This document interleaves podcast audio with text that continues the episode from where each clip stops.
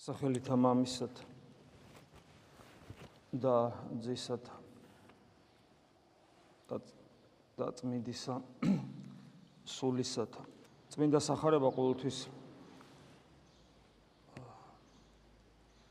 ცდილობს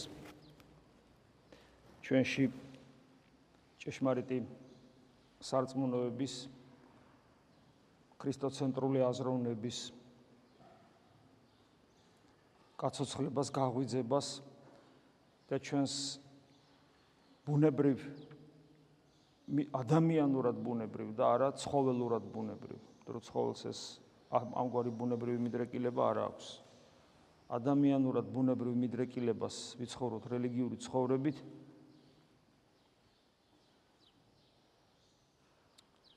გარკვეულ აი მიდრეკილებას გარკვეულად აკეთილშობილებს და იმ გზაზე წარმართავს, რისთვისაც ჩვენ ეს მიდრეკილება გვაქვს. ვიღაც ადამიანი თავარი რითაც განსხვავდება ცხოველისაგან, სწორედ ის არის, რომ მას რელიგიურობა ახასიათებს. იგი თეოლოგიური არსება, როგორც ხშირად გვითხოვს. აა სხვაგვარად ეს არის თავი განმასხვავებელი, მაგრამ ეს არ არის საკმარისი იმისათვის, რომ ჩვენ ქრისტიანები ვიყოთ. და ქრისტიანობა ეს არის ადამიანის რელიგიურობა და ფოკუსირებული ისეთ წერტილში, ისეთ წერტილამდე, რომელიც წერტილის ძიებაც ადამიანებს უჭირთ. მრავალი ეძებენო იმ ვიწრო კარიბჭეს და ცოტანი პოულობენ, როგორც უფალი ამბობს. ხოლო იმ კარიბჭემდე კიდე მისასვლელი გზა ვიწრო და ეკლიანიო. და მასე მასე სიარული ადამიანებს არ სურთ. აა ფართე გზაზე დადიანო. აქ არის ერთი ნიუანსი, შეიძლება ადამიანს შეექმნას ილუზია, რომ დადის ვიწრო და ეკლიან გზაზე. მაშინ როცა არ დადის, მე გულისხმობ მორწმუნე ადამიანს. და ეს ილუზია იმიტომ შეიძლება შეექმნას, რომ ყოველი ადამიანის ცხოვრება არის განსასწრელი ტკივილი. საერთოდ ადამიანური ცხოვრება ტანჯვას უსამართლობას უკავშირდება. ყოველი ყოველი ადამიანი ჯვარს ატარებს. მიუხედავად მისი სარწმუნოებისა, მისი ღირსებებისა, მისი ზნეობისა თუ უზნეობისა, სოციალური წარმომავლობისა და ასე შემდეგ. და ხშირად ადამიანს ერევა უკაცრავად. ერევა ეს ამ ქვეყნიური გაჭირვება და ამ ქვეყნიური ტკივილები ერევა იმ ვიწრო და ეკლიან გზაზე და ეს ასე არ არის. ვიწრო და ეკლიანი გზა სწორედ რელიგიურ გზას გულისხმობს უფალი აქ ამ შემთხვევაში უფლის ძიების გზას ისე როგორც მოვედით ჩემ და ყოველი მაშვალი და ტვირთმძემენი. ეს არ არის ამ ქვეყნიური ცხოვრებით დამაშრალი ადამიანის მოწოდება. ეს არის რელიგიური ღმერთის ძიებით, რელიგიური ძიებით რელიგიაში ღმერთის ძიებით დამაშრალი ადამიანის მოწოდება და არა ამ ქვეყნიური შრომით, თოხნით და ასე შემდეგ დამაშრალი ადამიანის მოწოდება. ეს განსხვავებული რამ არის. და ეს შეცდომა, ეს შეცდომა ვიწრო და ეკლიან გზასთან დაკავშირებით ხშირად ადამიანებს პრობლემას უქმნის. ისე როგორც მაგალითად ის ვინც ქრისტესია იდევნება. ჭეშმარიტად ესია. ასევე მე თუ მდევნეს თქვენს გდევნია. ჭეშმარიტად ესია. და ადამიანი კითხულობს და თავის თავს მიაწერს ამ სიტყვებს. იმიტომ რომ არ არსებობს ადამიანი სამყაროში ვისაც ვიღაც არ დევნის და ვისაც ვიღაც არ ავიწროებდეს, ვისაც უსამართლოდ არ ექცეოდენ, ადამიანი ფიქრობს, აი ჩემზეა დაწერილი და რა ბედნიერებაა ეს, ესე იგი მე ქრისტიანი ვარ. ესეც შეცდომა. ესეც შეცდომა. აქ ლაპარაკია ქრისტესთვის, როცა იდევნები და შევიწროებული ხარ. და არა ისე, როგორც ადამიანი რო იდევნები და შენ შეიძლება შენი უკეთურობის გამო იდევნები. შენ შეიძლება თუნდაც შეიძლება იმიტომ იდევნები, რომ სოციალური თანაცხოვრების პრინციპებს არღვევ, ფიზიკურ კანონებს არღვევ და ასე შემდეგ და ასე შემდეგ. ზოგადად უსამართლობა ამ სოფელში გავრცელებულია. ზოგადად ეშმაკს არც ერთი ადამიანი არ უყვარს. საერთოდ ადამიანებს მეორე ადამიანები არ უყვართ, ჩვენ ერთმანეთი არ გვიყვარს. ეს სამწუხარო რეალობაა. მაგრამ ეს რაც არნიშნავს როცა მე ვიდევნები, ვიდევნები ქრისტესთვის. ხო და აი წმინდა წერილის მორგება შეიძლება საკუთარ თავზე როგორც გაგიხარდება ის. და აქ ადამიანს ჭირდება სიბრძნე, სულიერი გამოცდილება ან სულიერი გამოცდილება, სულიერად გამოცდილი ადამიანის ხელმძღვანელობა. რომ ჭეშმარიტებას არ აცდეს. იმიტომ რომ თუ წმინდა წერილს ირგებ ადამიანი, დამერწმუნეთ რომ წმინდა მამებსაც მოირგებ. ლიტურგიკულ ცხოვრებასაც, ყველა წესს და კანონს მოირგებ. და იქნები კლასიკური ფარისეველი. ჩვენ ამისგან დაცული, დაზღვეული არავინ ვართ და ყოველას გვემუქრება ეს. ეს საშიშროება. და თავი და ბოლო ამის არის ყველაფერი ის, რომ ჩვენი თლიანად ცხოვრება, მათ შორის რელიგიური ჩვენი ღირსებები და უღირსობანი ჩვენი სიმართლე თუ ცოდვები ცოდვებთან ბრძოლა ვთქვა. ეს ყველაფერი არ არის კონცენტრირებული ერთ წერტილში, რომელსაც ბევრი ეძებენ და ცოტანი პოულობენ. და ჩვენ ქრისტესთვის საკუთარი სიმართლისთვის კი საკუთარი ამბიციებისთვის კი მაგრამ ქრისტესთვის ვიწრო და ეკლიან გზას არ გავდივართ, ჩვენ ეს არ მოგწონს. ჩვენ მარხვაც არ შეგვიძლია. ჩვენ მოყვას იოტისოდენა რაღაცა აპატიოთ არ შეგვიძლია. ჩვენ არ შეგვიძლია საკუთარი თავი შევაწუხოთ და წავართვათ საშუალება იყოს ამბიციური, საკუთარ სიმართლეს მიდევნებული, ეგოისტი, შურიანი, ამპარტავანი, ანგარებიანი ჩვენ არ ვართმევთ ამ ყველაფერს საკუთარ თავს, იმიტომ რომ ჩვენი საკუთარი თავი ამით წკბება, გემოთმოყვარე, სიძვის მოყვარე და ასე შემდეგ და ასე შემდეგ. ჩვენ ამას საკუთარ თავს არ ვართმევთ. არ ვავიწროვებთ ქრისტეს სიყვარულისათვის. აი დღესაც сахарებაში ასე წავიკითხეთ, რომ ძენი სასუფევლისანი განითხინენ. ანუ ეს ნიშნავს იმას, რომ სასუფევლიშვილები განიდევნებიან, განიდევნებიან, გაიყრებიან. განითხივნენ ბნელსა მას გარესკნელსა, გარესკნელი, ანუ სახთო ნათლის მიღმა. სახთო ნათლის მიღმა სიბნელეში. რატო სიბნელეში? იმიტომ არაფერი არ არის სახთონ. ანუ სახთონ ნათლის მიღმა ნიშნავს ღმერთის მიღმა. ღმერთის მიღმა გაუგებარია ცოტა, იმიტომ რომ ღმერთი ყველგან ღმერთი სივცისა და დროის მიღმაა, მაგრამ ნუ აი ადამიანურ ენაზე სხვანაირად ეთყობა შეუძლებელია გამოითქვას და იქ არის არარაობა, არაფერი არ არის და არაფერში აღმოჩნდება ადამიანი, არაფერში. და იქ იქნება ტირილი და კბილთა ხრჭენა, ტირილი იმიტომ რომ ტირილი არა სინანულის არამედ უბედურების და კბილთა ხრჭენა ბოღმის და სიძულვილის. დანა ვიზია საუბარი. აქ საუბარი არ არის წარმართებზე, ურწმუნოებზე, ბოროტმოქმედებზე, უზნეო ადამიანებზე, არა, სასუფევლის შვილებზია. ნახეთ, ხოლო ძენი სასიგი სასუფევლისანი, სასუფევლის შვილებზია, სამეფო შვილებზია. ჩვენზე საუბრობს უფალი. გარკვეულ კონტექსში იქ ძველი აღთქმა იგულისხმება ძველი აღთქმის მაგრამ არსობრივად ამას მნიშვნელობა არ აქვს ძველი აღთქმის ეკლესია გადაიზარდა ახალი აღთქმის ეკლესიაში ჩვენთვის დაიწერა ჩვენ ვკითხულობთ 21 საუკუნეში და ჩვენ დღეს გვაქვს ახალი ახალი ახლის ეკლესია და ეს სასუფევლის შვილები ჩვენა ვართ და ჩვენზე საუბრობს. ჩვენზე საუბრობს. და მე ამის საპრიწონედ ხო ამბობს, რომ მრავალი მოვლენ სხვადასხვა ადგილებიდან და ისინი დაემკვიდრებენ ადგილს აბრაამისა, ისააკისა და იაკობისთანა. რას ნიშნავს აბრაამისთანა, ისააკისთანა და იაკობისთანა? აღთქმა და დაუდო მათ ღმერთმა.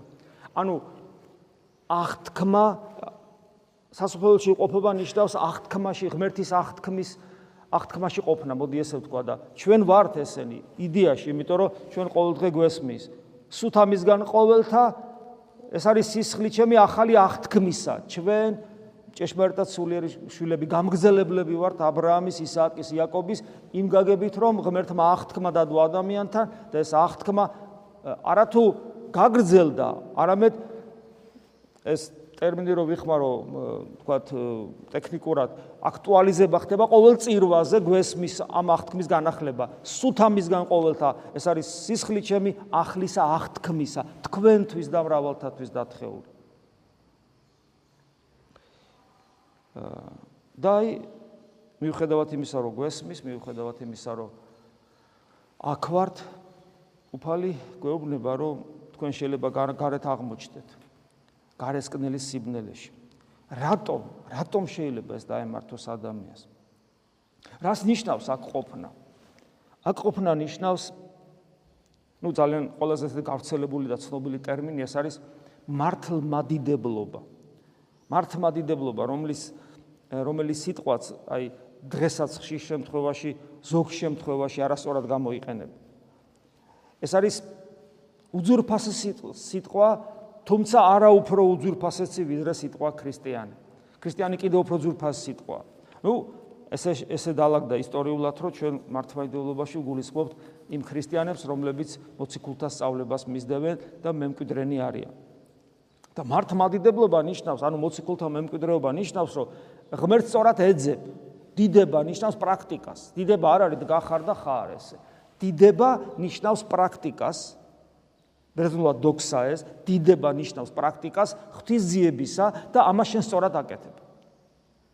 რას ნიშნავს სწორად ძიება ღმერთისა? ეს ცალკე თემა, ეს არ არის მარტივი თემა, ეს არის ურთულესი თემა. ეს არ არც მარტო თეორია, არც მარტო პრაქტიკა, ეს ყველა არც მარტო კანონია, არც მარტო ზნეობა, არც მარტო თქვათ მემკვიდრეობა, ეს არის ყველაფერი არც მარტო საიდუმლოება, ეს ყველაფერი ერთად არის. თუმცა ამ ყველაფერს ერთი სიტყვა ქვია, ეს არის იესო ქრისტე.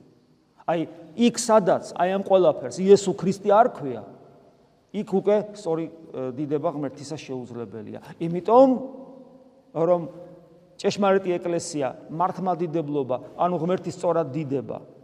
რა არის ეკლესია? რა არის მართლმადიდებლობა? ეს არის იესო ქრისტე.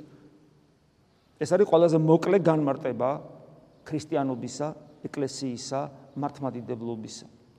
და აი, როცა ჩვენ საუბრობთ, რომ ჩვენ ვართ მართლმადიდებელი ღმერთის სწორად, მართლად, სამართლიანად მადიდებელი, სიტყვა სიმართლე ძალიან მნიშვნელოვანია, ხო ხვდებით აქ, იმიტომ რომ მართალი, მართალი, მართალი ვარ, მე ვიცი, თეორიულად მართალი ვარ არა ჩემით, არამედ მადლით, რომელიც ჩემშია. ეს ეს ხო ლოგიკურად ხო ესია? ეს ვიცით, მაგრამ, მაგრამ პრაქტიკაში, პრაქტიკაში ეს ასე არ არის. იმიტომ რომ ჩვენ ძალიან ხშირად თეორიულად ვიცით რა რომ თუ მართალი ვარ, ესე იგი ღვთისმადლის გამო ვარ მართალი, მაგრამ პრაქტიკაში მართალი ვარ, იმიტომ რომ მე ასე ვფიქრობ და მე ასე ვხედავ და მე ასე ვგზნობ. ეს სამწუხარო რეალობა.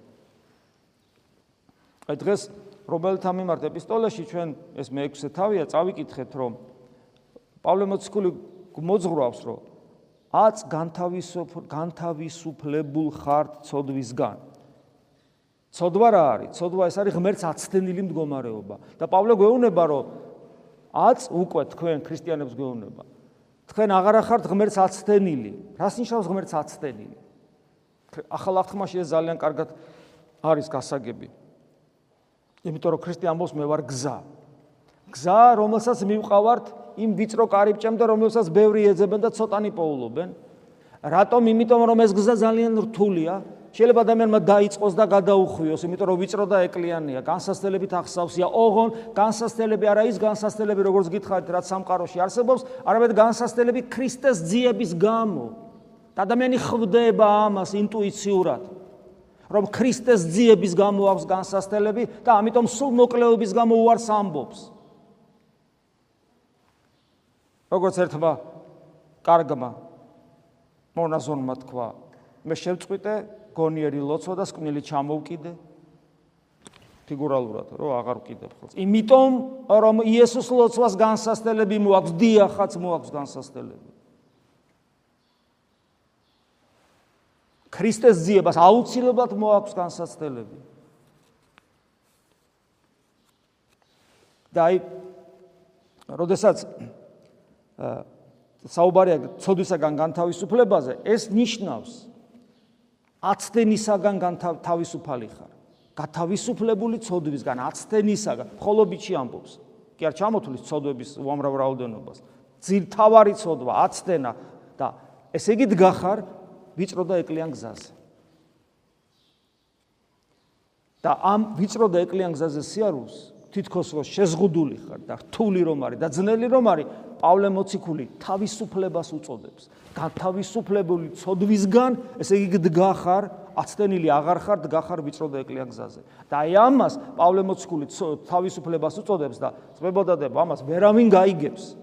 გარდა იმ ადამიანისა, რომელიც ქრისტეს ეძებს, და პოულობს. უпроსორედ ქრისტეს ეძებს და ქრისტე წინა გემოს ხილვას აძლევს მას მომავალი მარადიული შეხვედრისა და იმ წინა გემოსხილვაში საოცარ თავისუფლებას გზნობს ადამიანი მიუხედავად იმისა, რომ იგი ვიწრო და ეკლიან გზაზე დადის.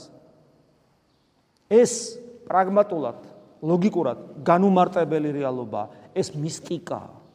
მისტიკა. ხოლო თუ ჩვენი ეკლესიურობა დაცლილი იქნება მისტიკისგან და იქნება მხოლოდ ზედაპირული წამოყვირებანი ლოცვის სიტყვებისა, ეს უბრალოდ მკრეხელობაა, ეს სულიერ ცხოვრებასთან, ამას სულიერ ცხოვრებასთან საერთოდ არანაირი კავშირი არ აქვს.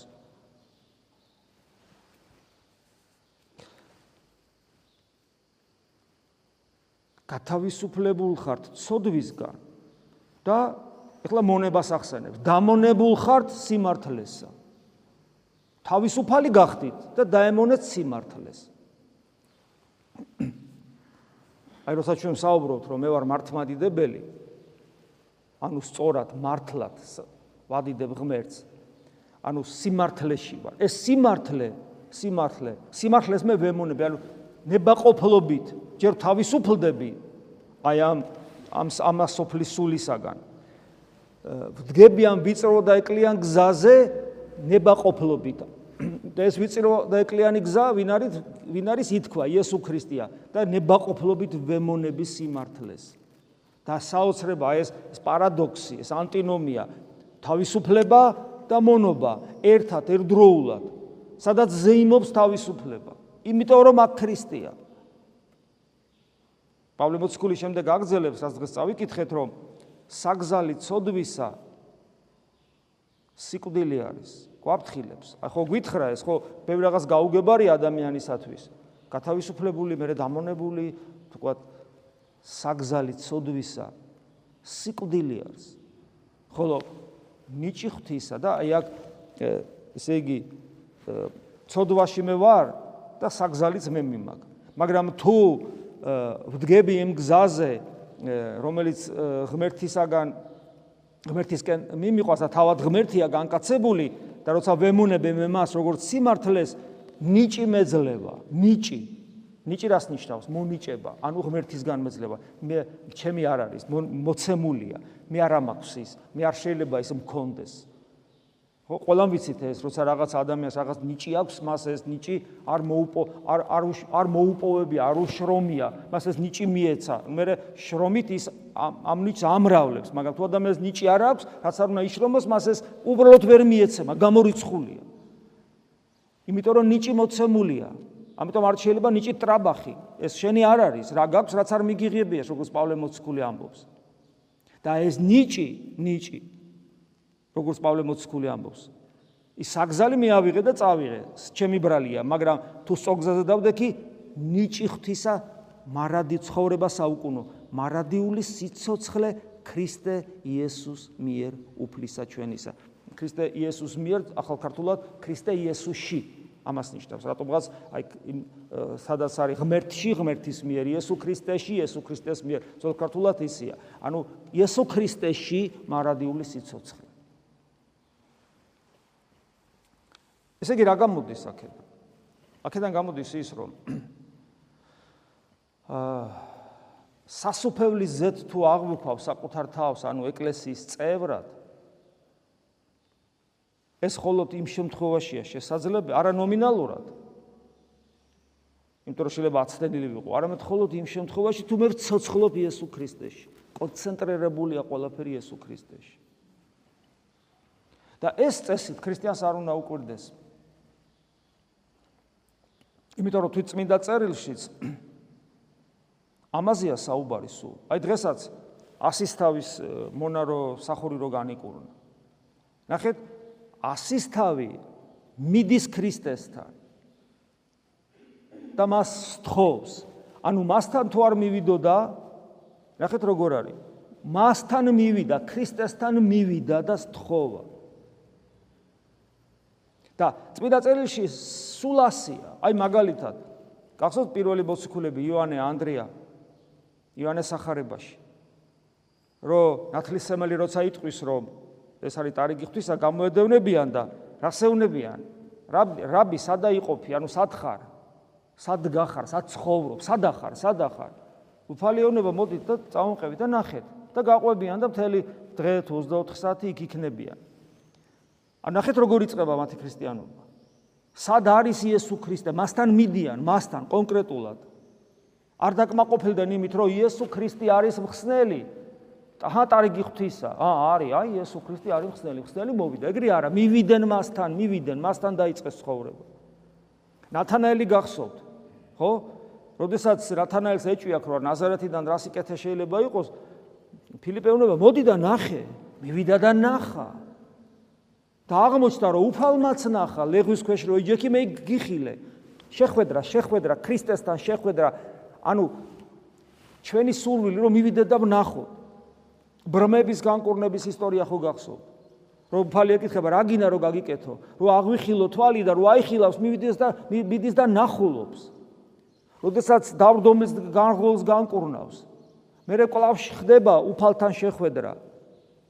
მისი, ანუ ნახვა, მისი ნახვა. როცა ჩვენ ევქარისტიული ცხოვრებით ცხოვრობთ, რა არის ევქარისტიული ცხოვრება? არა უბრალოდ წირვაზე დგომა. წირვაზე იდგება ფარისეველიც, ორგულიც, იუდაც. ნებისმიერი ადამიანი იდგება და კბილებით მოინდომებს, კბილებით მოინდომებს ქრისტესთან ზიარებას, ქრისტეს კბილებით ვერ ეზიარები. ქრისტეს მხოლოდ გულით ეზიარები. საიდუმლოება ეს. უბრალოდ წინსრებით ვიტყვი. წინსრებით ეხლა კი არა, რამე საიდუმლოებას ეხლა ეხლა გახსნას არ ვაპირებ. ზოგადად ვიტყვი ქრისტეს კბილებით ვერ ეზიარები ქრისტეს მხოლოდ გულით ეზიარები და თანამუშაკობა ღვთისა როგორც პავლე მოციქული გვამცნობს ნიშნავს იმას რომ შენ გულით რომ ეზიარო ქრისტეს ამისათვის კონკრეტული ღვაწლი გაქვს და ამ ღვაწლს ქვია გონიერი ლოსო რომელსაც ასე გამწარებული ებრძვიან ადამიანები მე ერთი რიგითი მღვდელი ვარ. მიუხედავად იმისა, რასაც მე ვამბობ, ამას კავშირი აქვს არა მარტო ძველ წმინდა მამებთან, არამედ დღეს ცოცხალ მოღვაწეებთან, რომლებიც იმ წმინდა მამების დიდი მემკვიდრეები არიან. მაგრამ მაინც მე ვახმოვანებ. და უბრალოდ კიდევ ერთხელ ღვთის წინაშე პასუხისგებლობიდან გამომდინარე ვამბობ, ვინც გონიერ ლოცვას გიგძალავთ, მას არ მოусმინოთ არაფერი.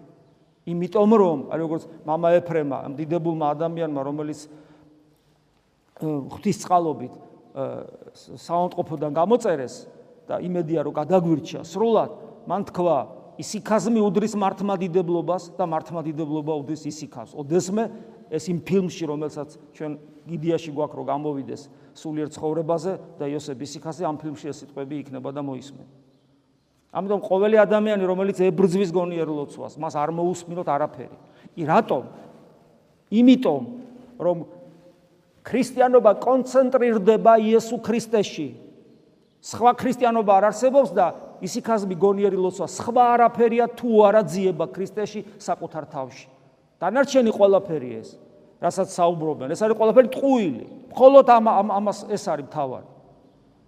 და აი როცა ჩვენ საუბრობთ ევქარისტიაზე, ყბილებით ვერ ეზიარები და იმისათვის რომ ეზიარო და ზიარება ხდება გულით, ეს არის მისტიკა, საიდუმლოება, ყბილებით იუდა ეზიარა. ეს ნიშნავს იმას, რომ გული უნდა მზად იყოს ამისთვის, რისთვის? ქრისტეს მისაღებად. როგორ? აი ესე, პირდაპირ ქრისტეს მისაღებად, იესო ქრისტე, იესო ქრისტე. და ეს ძალიან რთულია. ჩვენ გულს ეს არ სურს და იღებს გადაწყვეტილებას გონიერი ლოცვა ჩვენთვის მიუღებელია ეს დემონური ხიბლია როგორც იოსები სიქასტი ამბობს, როგორც წმინდა ეგრატე ბრიანჩაინოვი ამბობს და ასე შემდეგ. გული, დიახაც გული, გული უნდა მოემზადოს იმისათვის თქვენ დიდებული мама ემილიანე სიმონა პეტრელი ამბობს. ღვთაჩოლის ღდლებზე ამბობს, ღდელი რომელიც გონიერი ლოცვით არ ემზადება, შინაგანი ცხოვრებით არ ემზადება და ესე შემოდის წირვაზე, წირვა მისთვის სპექტაკლად იქცევა, იმიტომ რომ გული არ არის მზად. გულს თავისთავად, აი ესე ხელაღებით ქრისტეს მიღება არ ძალუს იმიტომ რომ გული ასხივებს, აფრქვევს, მხოლოდ უკეთურებას, როგორც ქრისტე გვასწავლის წმინდა წერილში. გულს განწმენდა ჭირდება ეს ცნებად მოგვეცა. ეტარიყვნენ წმინდანი გულით არამე თუ მათ ღმერთი იხილონ ეს რომ თავისთავად მოცემულობა იყოს ადამიანში ეს მცნებად ჩვენ არ მოგვეცემოდა ისე როგორც ნეტარიყვნენ გლახაკნის სულითა და ასე შემდეგ მცნებად მოგვეცა ის რაც თავისთავად მოცემული არ არის რაც ჩვენი ღვაწლის საგანი უნდა იყოს. კლავ ბრუნდები ევქარისტიას. ევქარისტია მადლიერებას ნიშნავს. მადლიერება არ ნიშნავს აქ დგომას და კბილებით ჭამას იესო ქრისტეს ხორცისა და ხორხით დალევას მისი სისხლის ეს გულის მდგომარეობა უნდა იყოს ევქარისტია არ ნიშნავს აქ დგომას, ევქარისტია ნიშნავს ცხოვრების წესს, რომელიც მადლიერებაში ვლინდება. და აი ძალიან კარგია, კარგია, როდესაც ჩვენ აი ამ კონტექსში შევხედავთ 10 კეთროვანის განკურნებას. და 10 კეთროვანის განკურნებაში ჩვენ ხო ვიცით ერთი მადლიერი აღმოჩნდა და 9 უმადური, ის 9 უმადურმა რა გააკეთა? მათ რელიგიური წესი აღასრულეს, გახსოვთ ალბათ. უფალმა უთქვა რომ წადით და წეგურ წესი იყო იქ. თუ კეთრისაგან განიკურნებოდა ადამიანი ადამიანი წავიდოდა მღვდელს ეჩვენებოდა შეიძლება გარკვეული შესაძლებელი გაეკეთებინა სამადლობელი მსხვერპლის სახით და თუ მღვდელი დაუდასტურებდა რომ მას კეთრი არ ქონა მას საზოგადოებაში ცხოვრების საშუალებას აძლევდნენ. გარკვეული რიტუალია ეს ხო? მსხვერპლშეწირვა და მღვდლისაგან დასტური ანუ ძველი აღთქმის წესი რელიგიური ცხოვრების წესი. და ნახეთ საოცრარი რა არის ეს 9 უმადური ადამიანი რელიგიურ ცხოვრებას, რელიგიური ცხოვრებით ცხოვრობს. ან უმადურობა არის მოცემულობა, რომელიც რელიგიურ ცხოვრებაში ხელის შემშლელი არ არის არ არის ხელის შემშლელი. ეს რას ნიშნავს? აი ჩვენ შეიძლება გვდგავართ ჩემის ჩათვლი და ჩემის დაწყებული და ჩვენ შეიძლება ვიყოთ უმადურნი და გვეგონოს რომ კარგები ვართ, იმიტომ რომ აგვდგავართ. იმიტომ რომ აქ დგომა, წესების შესრულება არ ნიშნავს რომ უმადური არ ახარ. უმადურობა ხელს თურმე არ მიშლის ვიყო რელიგიური ადამიანი. მაგრამ უმადური თუ ვარ და თან რელიგიური, მე ვერ შევენივთები იმ საიდუმლოებას, რომელსაც ქვია ევქარისტია. ვიქნები კბილებით მჭამელი ქრისტეს ხორცისა და მისი სისხლის მსმელი ვიქნები. რომ იუდასავ. და ეს რომ არ მოხდეს, მე უნდა ჩემი თავს ჩავოღმავდე და ვეძებო რა ხდება ჩემში? მადლიერება მაქვს? თუ უმადურობა. და ცხრა კეთროვანიდან იცით რომ მხოლოდ ერთი იყო. მხოლოდ ერთი იყო მადლიერი. მხოლოდ ერთი იყო. და ეს ჩვენთვის კიდევ ერთხელ ნიშანია. და რა რატო? და რა გააკეთა მას? აჩანს ეს? სად სად რითი განსხვავდებოდა თუნდა არა და სამარიტელი იყო თან. რითი განსხვავდებოდა ამ სამარიტელის რელიგიურობა დანარჩენებისაგან? ებით რომ ის ქრისტესთან მივიდა. აქაც ეს ჩანს, აი რაც მე წეგან გითხარით, როგორ მიდიან, მიდიან, სახარება ამას გიჩვენებს. თუ გინდა, რომ იყო ევქარისტიულად მაცხოვრებელი, ანუ მადლიერი, შენი სულიერი ცხოვრება კონცენტრირდება ქრისტეზე, ქრისტეში, ქრისტეში. პრაქტიკაში ეს ნიშნავს იმას, პრაქტიკაში ეს ნიშნავს იმას, რომ მე, რადგან ღმერთი მოვიდა ადამიანად და მომცა ადამიანურად მაგალითი ჩემი ცხოვრებისათვის დამისახა, ეს ნიშნავს იმას, რომ მე უნდა დავინახო როგორია იგი. როგორი ცხოვრა მან როგორც ადამიანმა, როგორი იყო როგორც ადამიანი. აა რა საქმეები გააკეთა? როგორი იქცეოდა ადამიანთა შორის, რა სიტყვა პასუხი ქონდა? რას ამბობდა? რა მცნებებს მაძლევდა? რომ მას მივბაძო, მივემსგავსო და ვუერთგულო, როგორც ადამიანს. და ამავე დროს მას როგორც ღმერთს ვეძებდე მუდამ იქ იქ, სადაც ის არის.